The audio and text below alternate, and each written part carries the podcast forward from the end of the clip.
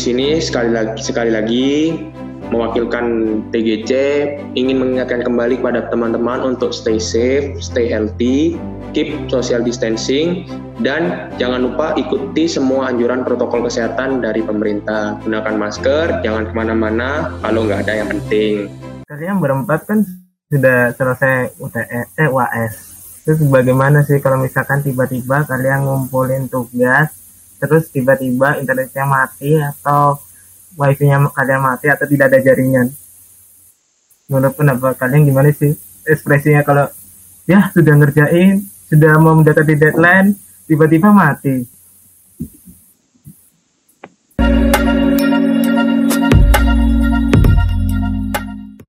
Wah, ini ma ini aku bawa jawab ya. Jujur, aku pernah pernah sih kayak gitu. Misalnya kayak kayak apa ya? Bukan jaringan mati sih ya mungkin bukan aku, mungkin teman sih, temanku ini pernah gitu, kayak ngumpulin ulangan UAS itu ya. Dia ini sempet sam sampai kayak emosi gitu. Pada saat ngumpulin ternyata tiba-tiba jaringannya mati. Padahal dia sudah kayak mengikuti aturan dan ya saya mengubah file air gitu. Email tiba-tiba jaringannya mati gitu. Emosi kayak mengasah gitu. Sampai gitu anaknya sampai kayak stres gitu sampai nangis. Ya cuma gara-gara jaringannya mati tiba-tiba itu. Karena kan memang kan anu kan kita tahu sendiri kalau semisal kita telat ngumpulinnya kan aplikasi sama tuh mungkin dari aku. Mungkin dari teman-teman yang lain gimana? Silakan uh, Bram, aku? Oh, duluan. Oke, okay. Bram ngalah.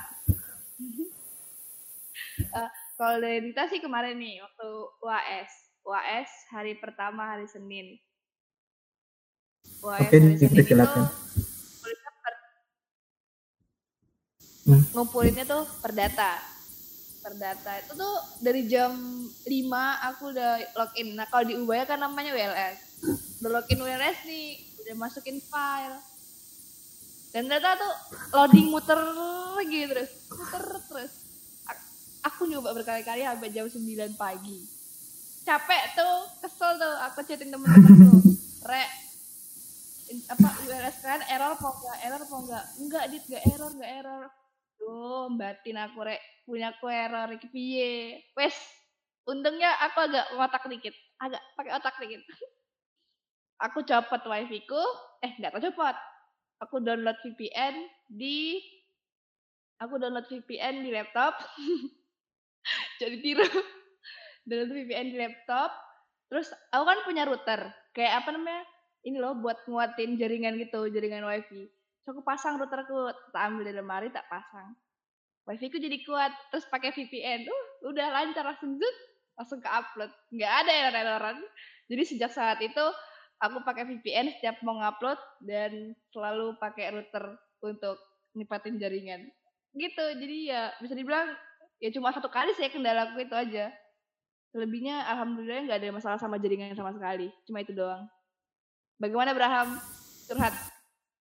Kalau aku sih server down. Server ULS down. Waktu mau ngumpulin udah tinggal satu jam, servernya down, full. Waktu UTS itu tapi sebetulnya nggak masalah sih, udah bisa kumpul aman. Tapi terus ada kayak uh, kejadian kedua lagi, mati lampu dari jam 10 pagi sampai sore. Untungnya waktu mendekati anunya, waktu saat tenggat waktunya itu tiba-tiba listriknya udah balik lagi, nyala lagi. Untungnya gitu. Itu aja sih. Nah, sebenarnya aku mau aku mau ngomong lagi sih. Itu sih sebenarnya plus minusnya kalau kita punya paketan sama nggak punya paketan. Jujur aku cuma memanfaatkan namanya wifi kos-kosan. Dan itu wah, bayangin aja kalau kos-kosan ini semuanya pada ngaktifin wifi kan tuh lemot banget. Ya juga jadi ya gimana harus nerima gitu loh. Mau pakai data nggak ada.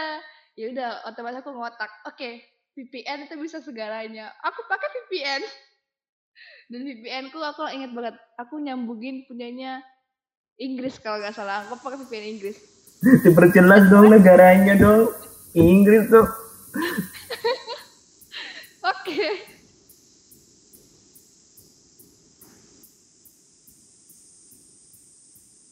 terus sudah sudah kan lanjut. Ah. Emang server luar negeri lebih cepat kamu kira server Indonesia tuh lelet gitu. Tapi belum pernah ya yang VPN pakai server yang Indonesia ya selalu luar negeri. Paling paling deket pakainya Singapura.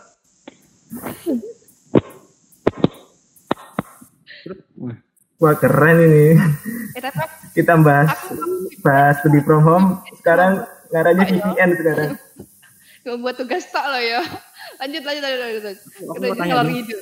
Ah, Iya iya. iya. tanya. Nah, tadi from home ini nguntungin kalian nggak? Kalau aku sendiri sih, aku ini kayak ngerasa diuntungin banget. Karena waktu aku ngupload jadwal untuk ke websitenya Ubaya, aku ngatur jadwal, itu aku kayak ada masalah gitu. Pembayaran dengan segala macam. Akhirnya aku telat, akhirnya jadwalku itu jadi kacau. Pagi, malam, terus kayak lompat-lompat gitu loh. Jadinya kayak tiap kali aku pembelajaran ke kuliah itu waktuku itu seharian itu kayak pulang kampus, pergi kampus, pulang kampus terus kayak bolak-balik kampus. Jadi kayak banyak bang- banget waktuku itu yang terbuang buat transportasi aja. Nah sekarang ini kayak enak enak banget. Jadi pak pagi bangunnya siang nggak mandi kuliah, terus terus nunggu main-main HP sampai belajar sampai sore kuliah lagi. Jadi kayak lebih enak gitu. Nggak perlu kayak bolak-balik kampus. Apalagi Ubaya itu kan kayak parkirannya uh jauhnya. Itu aja sih. Hmm. Oh. Aku dari akunya sendiri Ah. sih, aku lebih Aku sih- berkeinginan eh, Mungkin sih sebentar sama si Ibrahim hmm, positif. Ini aku apa kamu dulu nggak apa-apa. eh, aku dari akunya Kamu dulu sendiri nggak apa-apa, Ben. kayak Biar kayak kenapa kenapa aku berharap penuh sama oh iya ayolah apa diperpanjang studi from home karena kamu ngerti sendiri tuh ujian kita harus kalau secara tatap muka harus harus belajar hamin berapa hamin berapa kalau kita online kan cuma buka buku cari sumber-sumber lain bisa kopas kan nggak usah mikir. Tapi ya kekurangan eh, ti- tidak keuntungannya itu sendiri sih standarnya lebih tinggi sih. Kayak kita itu sudah berusaha sudah kopas sumber sumber lain terus bahasa buku tapi kok dapat nilai segini? Dan ekspektasinya itu sendiri kayak kayak gitu loh. Kalau dari kalian gimana sih? Si Dita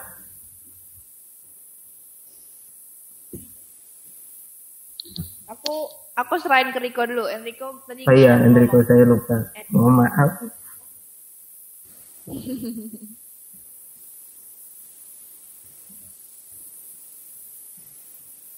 Enrico Ya, makasih kita atas ya. Oke, eh kalau aku sih kalau positifnya ya ya yang pertama ya kita bisa mengakses kuliah ini dengan mudah. Ya kan kalau kita bandingkan dengan kuliah tatap muka kan kita harus mandi dulu ini dan segala macam. Tapi kalau dengan kuliah online ini kita nggak harus mandi nggak harus ini kita kayak langsung megang HP, langsung buka WA group atau enggak buka Google Classroom itu sudah atau Google Meet atau Zoom meeting itu kita sudah kuliah tuh. Tanpa kita nyalain kamera pada itu kan karena memang keadaan kita masih anu ya baru bangun tidur atau belum mandi. Nah, itu mungkin positifnya. Itu sih kalau aku. Sama juga yang kedua pada saat ujian kita bisa open Google sama open book. Itu. Yang kedua. Dan yang ketiga kita bisa bekerja sama. Jujur ya ini dari dari eh, pengalamanku sendiri aku selama semester 2 kuliah daring ini OAS ya terutama itu aku buat grup WA itu isi orang-orang yang pintar di kelasku orang-orang yang niat istilahnya dan waktu dimulai UAS ya atau ujiannya udah dimulai ya, aku bikin suatu Google Meet, bikin bikin meeting istilahnya. Jadi nanti itu kayak kita kerjasama di pertemuan Google Meeting itu tanya jawabannya dan sebagainya kayak gitu. Kalau negatifnya sendiri mungkin negatifnya kuliah online ini mungkin dari ini kan kita tahu sendiri bahwa tiap mahasiswa kan uh, punya jaringan internet sama kotanya kan berbeda-beda. Pada saat mereka mengikuti kegiatan belajar mengajar, pastinya kan juga ada yang nyandet, juga ada yang uh, lancar. Nah, yang aku permasalahan ini yang nyandet. Bagi semua yang punya nyandet yang menarik, siswa itu tidak akan mengikut belajar secara penuh gitu loh. Kan kasihan kan mahasiswa itu kan. Kalau semisal dia nggak bisa mengikuti pembelajaran penuh, pastinya dia bakal kayak ini sih apa kayak ya susah dan sebagainya untuk memahami materi dari dosen sama juga ya apa ya sama ini gaya penyampaian materi dari dosennya mungkin kayak terlalu cepat atau mungkin juga terlalu ribet sehingga kita yang menangkapnya dari Google Meeting ataupun Zoom Meeting itu kayak susah dipahami Nah, itu juga jadi permasalahan. Sama juga tugas dosen yang terlalu banyak untuk diberikan kepada mahasiswa. Karena kan kita tahu sendiri, dengan kita kayak udah ditambah dengan rasa rindu, kita akan kampus, rindu, kita akan teman-teman kita. Itu kan apa ya, kayak kita tuh pengen dan uh, ketemu sama teman-teman, terus juga ditambah juga kita kayak istilahnya uh, udah mulai gabut sama pembelajaran ditambah dengan tugas yang banyak, kita kan pasti kayak stres, depresi. Nah, uh, nah dari situ itu bisa saja loh kayak menyebabkan adanya penyakit ke kejiwaan. Itu yang disebut namanya itu kayak cabin fever syndrome. Jadi kayak semacam penyakit kejiwaan yang membuat orang itu kayak stres dan depresi gitu. Selama mungkin selama di rumah kayak uh, studi from home atau melakukan apa kayak gabut. Itu bagi orang-orang yang anu ya kayak misalnya punya bener-bener punya hobi. Keluar rumah itu kan pastinya kayak wah kayak sama sama banyak kayak pembicara misalnya pengen dan sebagainya. Itu saya kena kit itu sih depresi itu kalau dari aku. Hmm, kalian tahu sendiri kan ada namanya sindrom yang cukup populer dan viral namanya TikTok syndrome. Terus bagaimana pendapat kalian eh, gimana pendapatnya Dita selaku anak tiktokers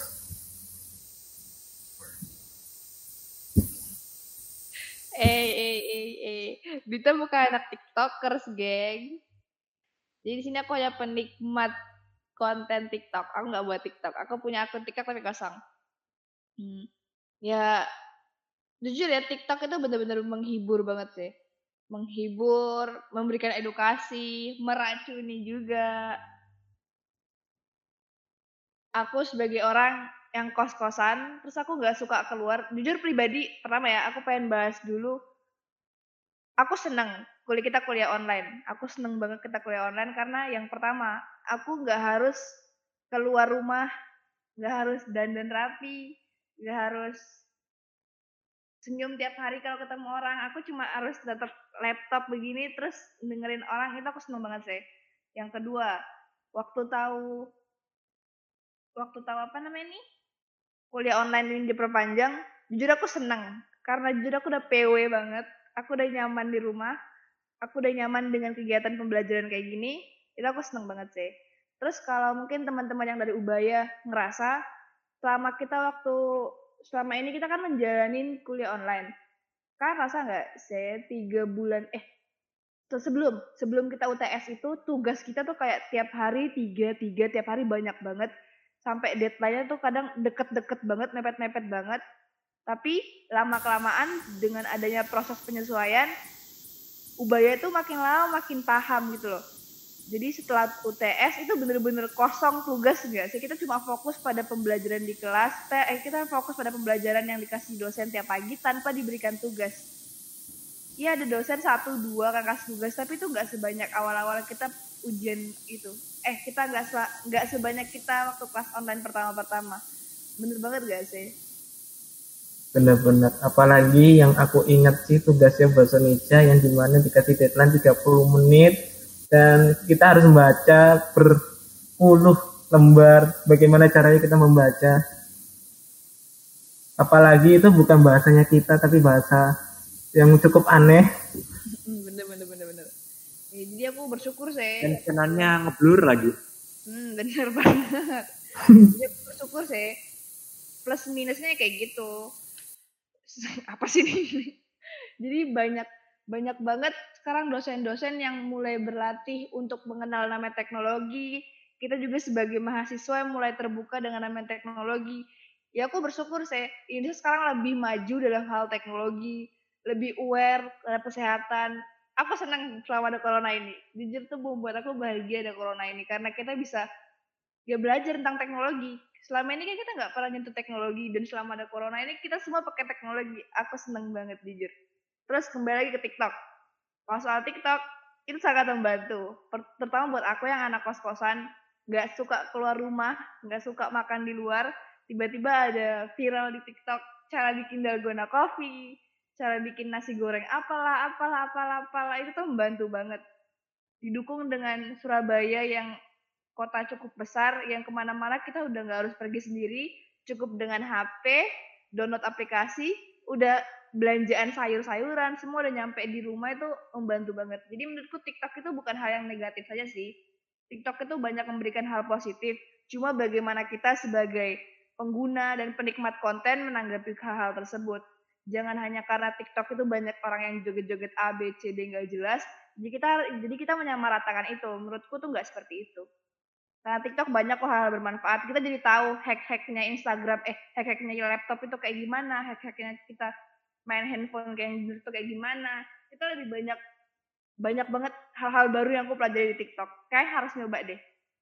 Mungkin itu aja. Ini pertanyaan terakhir yang paling banyak ditanyain apalagi kan video kita kan dilihat banyak masyarakat di kalangan umum khususnya kan pelajar dan mahasiswa bagaimana caranya kalian memanajemenkan waktu? Apalagi kan kita kan di rumah pasti kita harus membagi antara tugas kuliah dengan tugas rumah. Bagaimana kalian caranya? Solusinya seperti apa?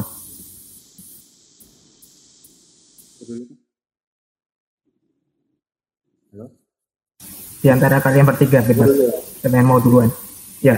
Jadi di awal-awal waktu study from home ini ya aku ini kayak agak cemas banget karena kan IP ku di waktu semester 1 itu agak pas-pasan jadi waktu aku tahu kalau misalnya dosennya itu cuma ngasih materi aja nggak ngajar aku jadi kayak panik ada kayak dorongan dari dalam aku kayak mulai kayak tiap hari itu mulai baca buku-buku hukum baca-baca buku hukum rutin gitu. Baca-baca buku hukum tiap hari itu rutin. Full gitu. Jadi kayak ada waktu kosong aku baca hukum. Nganggur baca buku hukum gitu. Sampai sampai kadang-kadang itu kayak ya gitulah. kayak kebanyakan baca buku hukum. Ya itu sih enaknya. Jadi kayak ada dosen yang bilang kalau misalnya study from home ini sama dengan libur. Aku nggak setuju. Study from home ini kayak ngebuktiin ke kita seberapa banyak waktu yang kita buang untuk kayak ke kantin, mampir ke pos satpam, mampir ke Indomaret, nyangkruk sama teman, mampir ke parkiran dan segala macem. Jadi sekarang ini kayak kita itu betul-betul belajar, betul-betul waktu yang lain bisa kita buat belajar uh, berkebun lah, uh, uh, kerajinan bikin kerajinan tangan, belajar bahasa bahasa Inggris atau lain sebagainya. Nah sekarang ini kayak kita itu makin luas waktu kita itu untuk bisa belajar uh, ber, berbagai macam keterampilan gitu. Itu aja. Di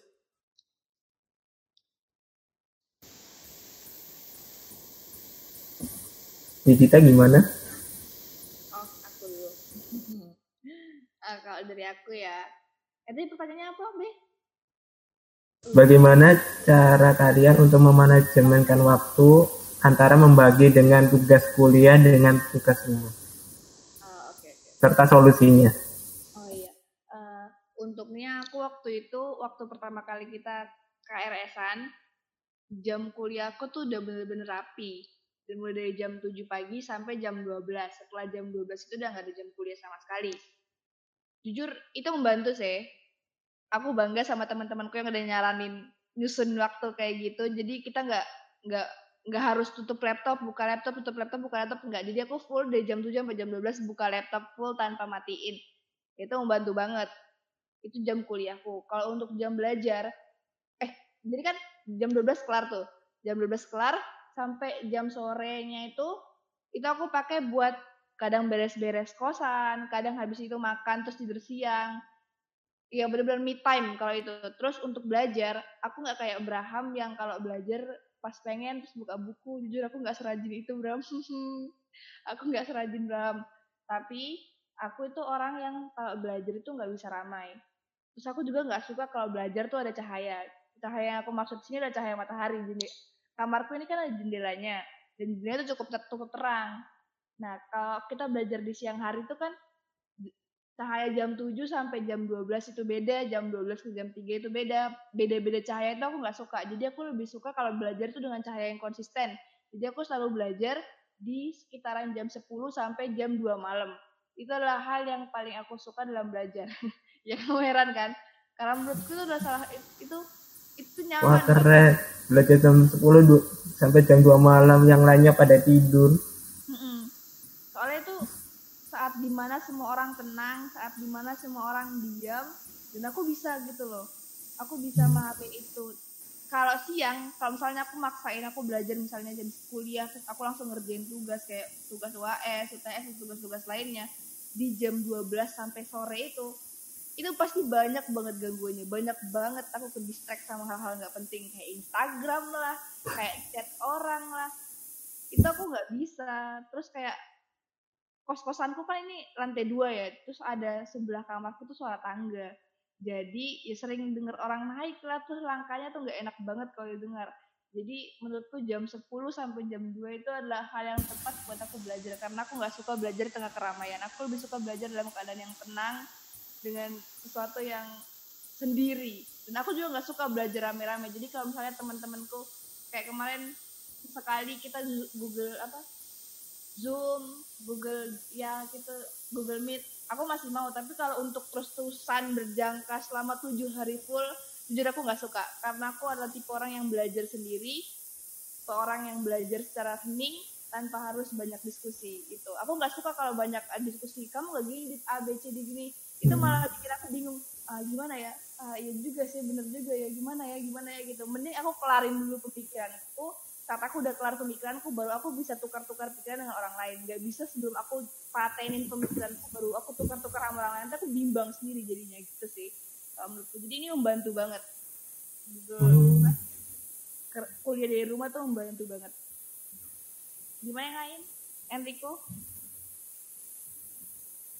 katamu itu kamu senang belajar di Dahaning mungkin tempat rekomendasi kuburan paling paling hening sepi.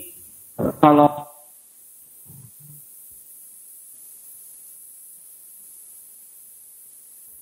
maunya sih gitu cuma aku takut.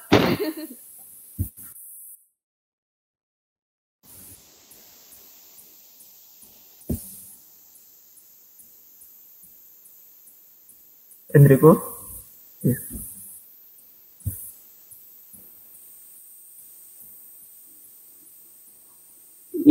uh, kalau cara memanajemen waktu, uh, mungkin yang pertama ya, kan kalau dari jadwal kuliahku sehari-hari di semester 1 dan semester 2 itu kan uh, tuh pagi, nggak pernah kayak siang sampai ke sore kan ya.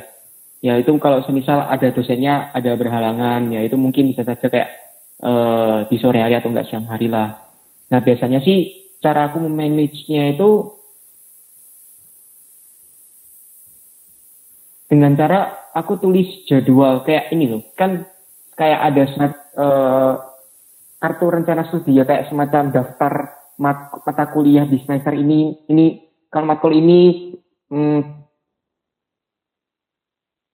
pelajarannya itu jam antara jam segini sampai jam segini kayak gitu aku kayak daftar-daftar checklistan itu aku tempel di papan lalu aku melihat di daftar jadwal itu. Kalau semisal dan menyesuaikannya dengan jam dinding sebelum waktunya ya aku lakukan itu dengan tugas rumah misalkan kayak mepung ataupun juga cuci piring ya ya itu sih. Kalau mungkin kalau dari kalau anu ya apa misalkan kalau setelah kuliah kalau setelah selesai kuliah itu ya mungkin yang pertama uh, kayak lihat YouTube sih biasanya aku lihat YouTube refreshing dulu. Karena kan sempat dapat banyak pelajaran itu kan membuat otak kita tuh kan kayak panas gitu kayak wah rumit gitu rasanya. Nah makanya kayak aku istirahat gitu siang harinya kayak lihat YouTube lihat sebentar terus setelah itu kayak mulai mengerjakan tugas rumah nyapu ataupun apa pun itu. Terus lalu juga apa ngerjain tugas kuliah biasanya pas sore hari. Terus malamnya mungkin belajar belajarnya mungkin bukan belajar yang belajar matkul juga. Terus disambi juga baca-baca berita sih biasanya kan aku baca beritanya itu di BBC CNN atau enggak juga Kompas dan sebagainya. Pokoknya kalau bisa diusahakan itu baca sumbernya itu berbeda-beda lah istilahnya supaya dapat sumber yang beragam dari situ.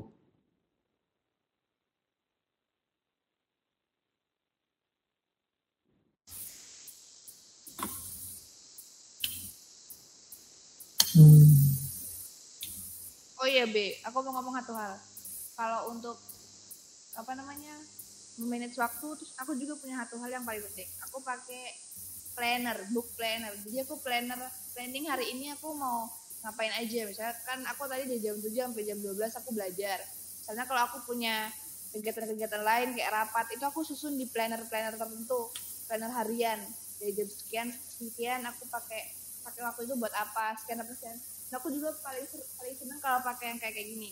Kayak terus aku tempel di samping tempat aku tidur jadi tiap aku bangun itu aku udah lihat oh iya jam segini aku harus gini jam segini aku harus gini.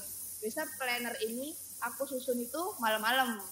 Aku susun malam-malam atau enggak subuh-subuh biar aku nanti bisa lihat oh iya jam segini sekian aku harus ini jam segini harus ini harus ini harus ini.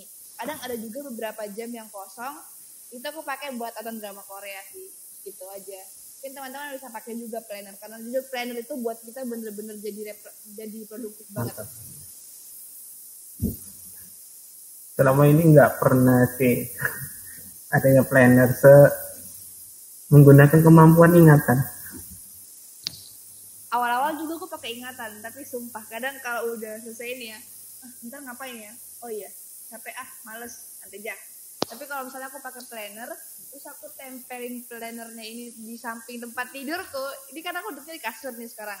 Aku tempelin pas aku lagi di dinding sebelah kasurku, ada aku geser sini oh iya aku belum melakukan ini. Oh iya aku belum melakukan ini. Jadi aku paling sering banget bikin planner ini dan aku harus bikin kalau nggak malam itu harus subuh subuh sih biar aku inget lagi oh iya aku mau bikin apa bikin apa bikin apa gitu. Gitu. Di produktif. Kalau kalau aku sih kayak bikin aku kayak pakai buku kecil jurnal kecil gitu. Terus aku kayak tiap hari aku kayak isi per lembar itu aku kasih tanggal berapa. Aku isi aja apa kayak tulis di hariku gitu kayak keseharianku itu kayak gimana sesungguhnya sebetul betulnya jadi kayak jam 7 sampai berapa ngapain? Aku jam jam 12 sampai jam 1 ngapain? Gitu. jadi supaya aku kayak bisa lihat gitu oh aku hari ini kayak malas-malasan banget gitu mending besok aku kayak lebih baik lagi kayak lebih hari-harinya itu hari-hari itu lebih tak isi lagi yang positif. Tapi nggak nggak kayak aku harus bikin kayak oh aku besok aku mau gini gini gini tapi kayak aku lihat aku tulis aku ngapain aja. Terus nanti aku malam itu kayak aku renung renungi lagi oh ini aku kurang kurang maksimal. Masih banyak kayak malas-malasannya. Kayak buang-buang waktu ngelamun gitu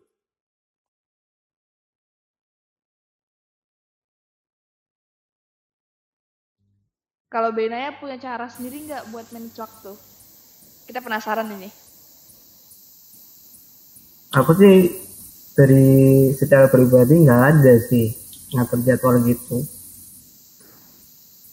Kayak kayak nulis itu kayak kita lu buka buku saja uh, pengakuan diri sendiri itu kayak bosen gitu loh.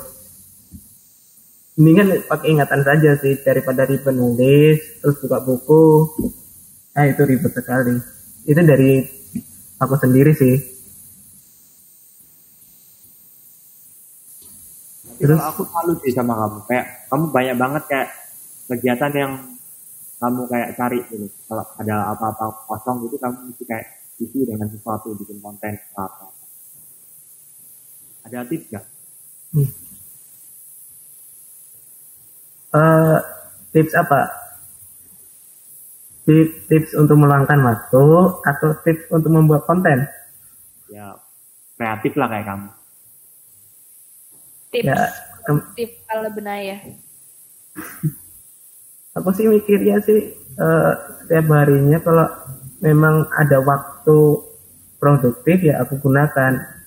Kalau memang nggak ada ya aku sebisa mungkin harus ada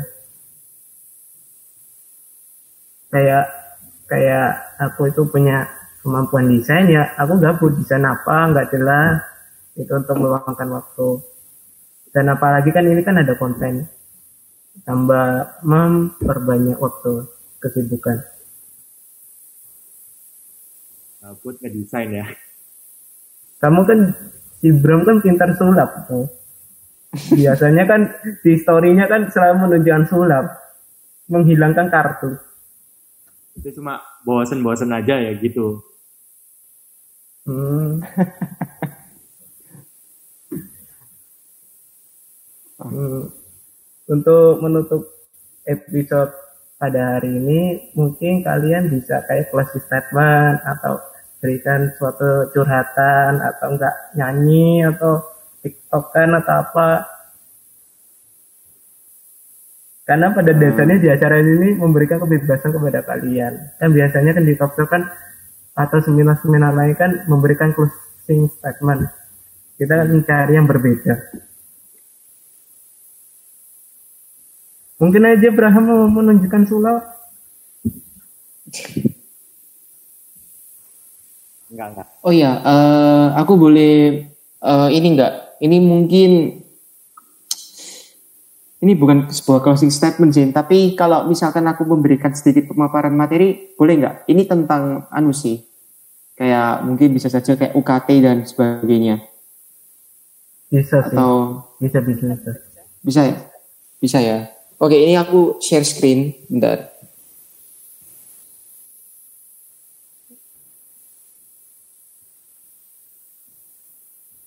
Mungkin aja nanti di sesi ini tak bagi jadi dua part kedua.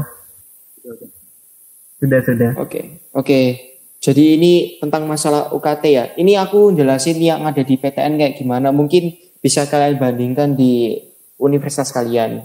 Jadi dari PTN di sini itu sebenarnya untuk komponen biaya kuliah itu sebenarnya terdiri atas tiga macam. Ada BKT, biaya kuliah tunggal, BOPTN atau Bantuan Operasional Perguruan Tinggi Negeri, dan juga UKT, uang kuliah tunggal. UKT ini yang biasanya sering di apa ya dibebankan oleh mahasiswa ketika membayar biaya kuliah ini uang kuliah tunggal ini tadi yang harus dibayarkan oleh mahasiswa. Nah, uh, untuk biaya kuliah tunggal ini itu biaya keseluruhannya yang dibebankan oleh pemerintah dan juga masyarakat. Ini dasar penetapan biayanya. Lalu untuk bantuan operasional, ini ban, ini merupakan biaya dari pemerintah untuk membiayai kekurangan biaya operasional terhadap PTN. Apabila eh, terjadi batasan sumbangan pendidikan di PTN tersebut. Nah, biasanya BPTN ini digunakan untuk apa sih? Biasanya untuk penelitian dan juga pengabdian kepada masyarakat. Itu sebanyak 30%. Lalu untuk 70%-nya itu digunakan untuk eh, semacam penyelenggaraan biaya pemeliharaan aset PTN, biaya langganan daya dan jasa, honor tenaga dosen dan tenaga kependidikan. Ini di sini ya. Aku eh, apa namanya? cetak aku tebelin ini aku biruin Lalu untuk ini, nah kita tahu sendiri kan, ini dari ketiga komponen biaya ini, eh, kalau di masa pandemi saat ini kan pastinya kan banyak kayak problematika yang terjadi, kayak apa ya istilahnya kita bagi mahasiswa itu kenapa kok kita harus membayar biaya, biaya kuliah sih atau UKT ini kan karena kan kita kan nggak pernah merasakan fasilitas kampus dan sebagainya. Nah, ini dari informasi yang aku dapat dari Dijen Dikti ya. Alasannya ini yang pertama, yang untuk yang pertama, dengan menggunakan metode pembelajaran jarak jauh ini, kampus tetap mengeluarkan biaya-biaya operasional yang bersifat rutin. Ya sempet, seperti tadi bersifat rutin itu seperti kayak biaya pemeliharaan aset PTN dan sebagainya.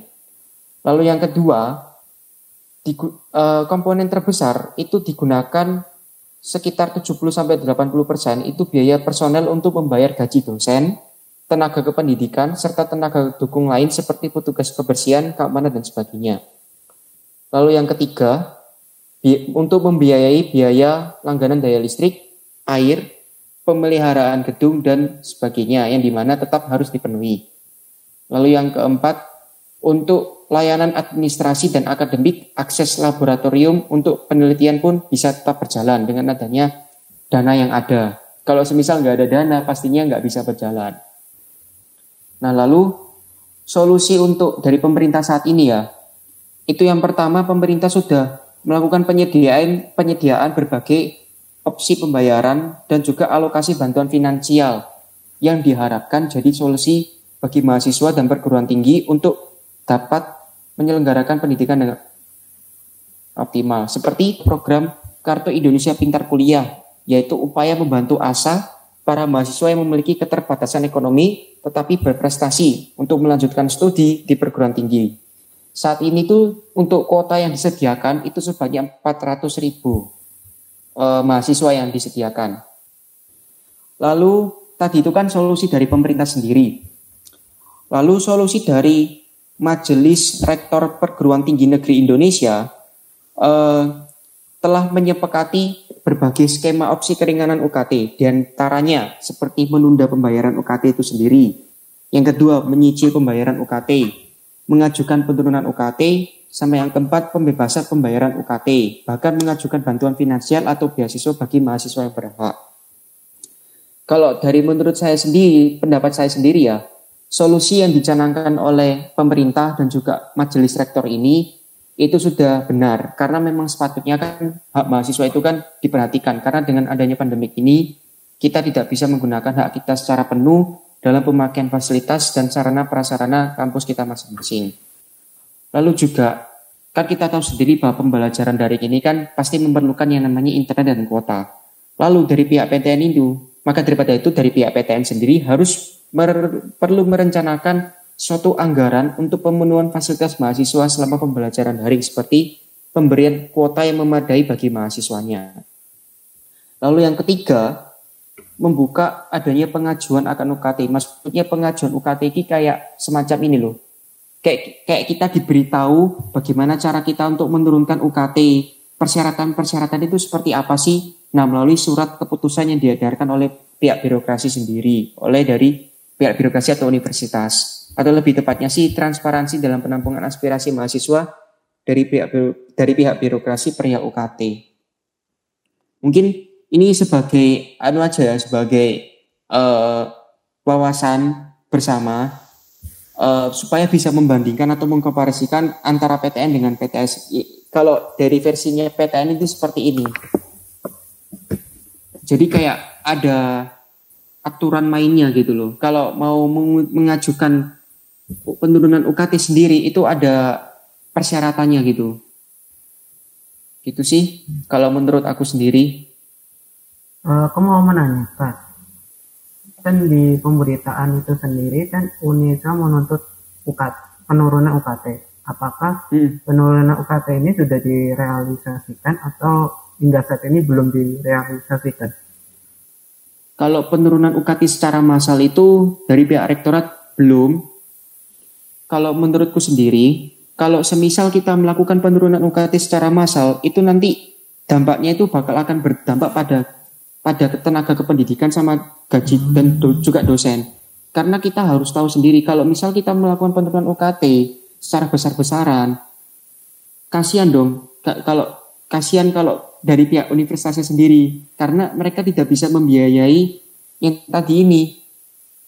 Membiayai operasional dan juga yang kedua ini yang paling utama ya komponen terbesar sekitar 70 sampai 80 persen itu untuk membayar gaji dosen dan tenaga kependidikan serta tenaga dukungan lain seperti pihak keamanan sama petugas kebersihan. Itu yang paling penting soalnya. Makanya makanya dari pihak rektorat dari PTN ya itu benar-benar kayak mempertimbangkan secara hati-hati. Dan mereka itu sebenarnya mendukung adanya kayak keringanan UKT tetapi dengan dengan bukan dengan penurunan UKT secara massal tapi kayak istilahnya ada persyaratannya gitu loh. Hanya bagi mahasiswa-mahasiswa tertentu saja yang berhak mendapatkannya. Gitu. Mungkin saya tambahkan dari pihak PTS itu sendiri kan ada wacana atau kebijakan dari Mendikbud bahwasannya akan disubsidi satu triliun. Namun hingga saat ini masih wujud perbantuan itu dalam bentuk kuota itu sendiri sih. Dan realisasinya Oh. atas kebijakan untuk PTS itu sendiri belum belum direalisasikan. Baru Hmm. UKT sih menurutku, baru PTN yang direalisasikan. Hmm, iya memang dari PTN yang apa ya istilahnya ini masih diusahakan oleh pihak pemerintah sama majelis rektor inilah supaya mahasiswa ini tidak kesusahan gitu loh. Kan ya kasihan juga kalau kalau semisal ada mahasiswa yang kemampuan ekonominya itu masih di bawah standar gitu kan kasihan juga. Kalau misalkan tidak bisa membiayai pendidikan kan mereka nggak bisa melanjutkan yang namanya perkuliahan gitu kan kasihan juga. Gitu.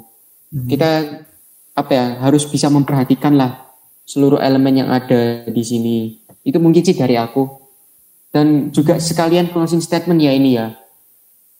Menurut aku pembel- untuk pembelajaran daring saat ini sebenarnya ini ada plus minusnya sih. Plus minusnya mungkin sudah banyak dijelaskan oleh masing-masing dari kita.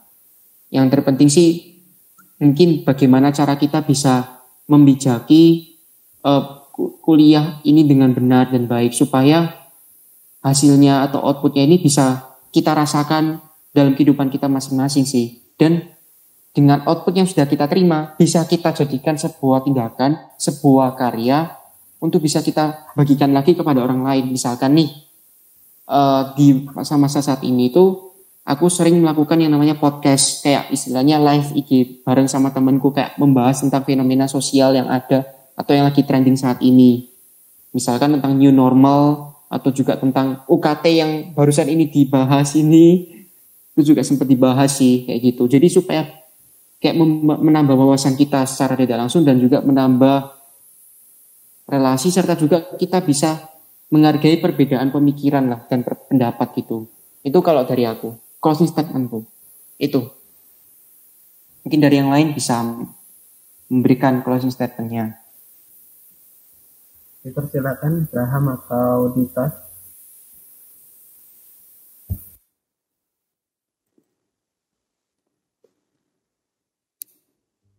Atau mungkin aja kalian mau closing statement kayak kata-kata motivasi atau enggak nah, bernarasi Jadi itu cuma pengen bilang saya nggak akan jadi motivasi juga nih. Itu cuma pengen bilang, mumpung kita masih di rumah, nggak ada salahnya kalau kita kembali lagi kenal sama diri kita sendiri. Mumpung kita banyak waktu, kita harap ini bukan jadi sebuah kekurangan yang di mana teman-teman mengeluh bosan, mengeluh capek, lelah, tapi kita harap di sini teman-teman bisa bikin suatu perubahan seperti yang tadi Riko bilang dia bikin podcast dia bahas-bahas status apa tentang ya sosial itu. Dan kita harap di sini teman-teman bisa bikin banyak hal positif kayak yang Binaya bikin ini. Dan satu lagi semoga kalian sehat selalu be produktif dan jangan mengeluh itu aja thank you aku ya. Nah, closing statementku ya. Kayak coba kayak kita renungin deh keadaan kita ini sekarang gimana. Kita ini kayak seberapa kayak Benaya, Enrico, Dita kayak kalian ini kan rajin-rajin, pinter-pinter. Bayangin kalian, bayangin kalian yang sekarang udah jago banget, pinter, rajin-rajin ini, bayangin 10 tahun lagi kayak gimana deh, itu aja. Nah, jadi kayak pasti kalian akan jadi kayak menaklukkan dunia lah kalian ini pasti lah. Itulah. Jadi pesanku ya, pesan penutupku ya, nggak usah ngikutin orang lain mau ngelakuin apa. Lakukan yang kalian lakuin, cuman lakukan dengan dua kali lipat, dengan dua kali usaha, dengan usaha ekstra supaya mes, meskipun kalian itu berbeda, tapi kalian itu so, kelak akan jadi berguna gitu. Itu aja. Ye, Abraham hebat. Saya terharu. Bangga, bangga, bangga, bangga, bangga. Ya, sudah terima kasih sudah meluangkan waktunya untuk acara pada hari ini. Uh, dan juga atas pemaparan materi, pengalaman, dan cerita-cerita yang cukup berguna untuk menginformasikan dan mengedukasikan kepada masyarakat.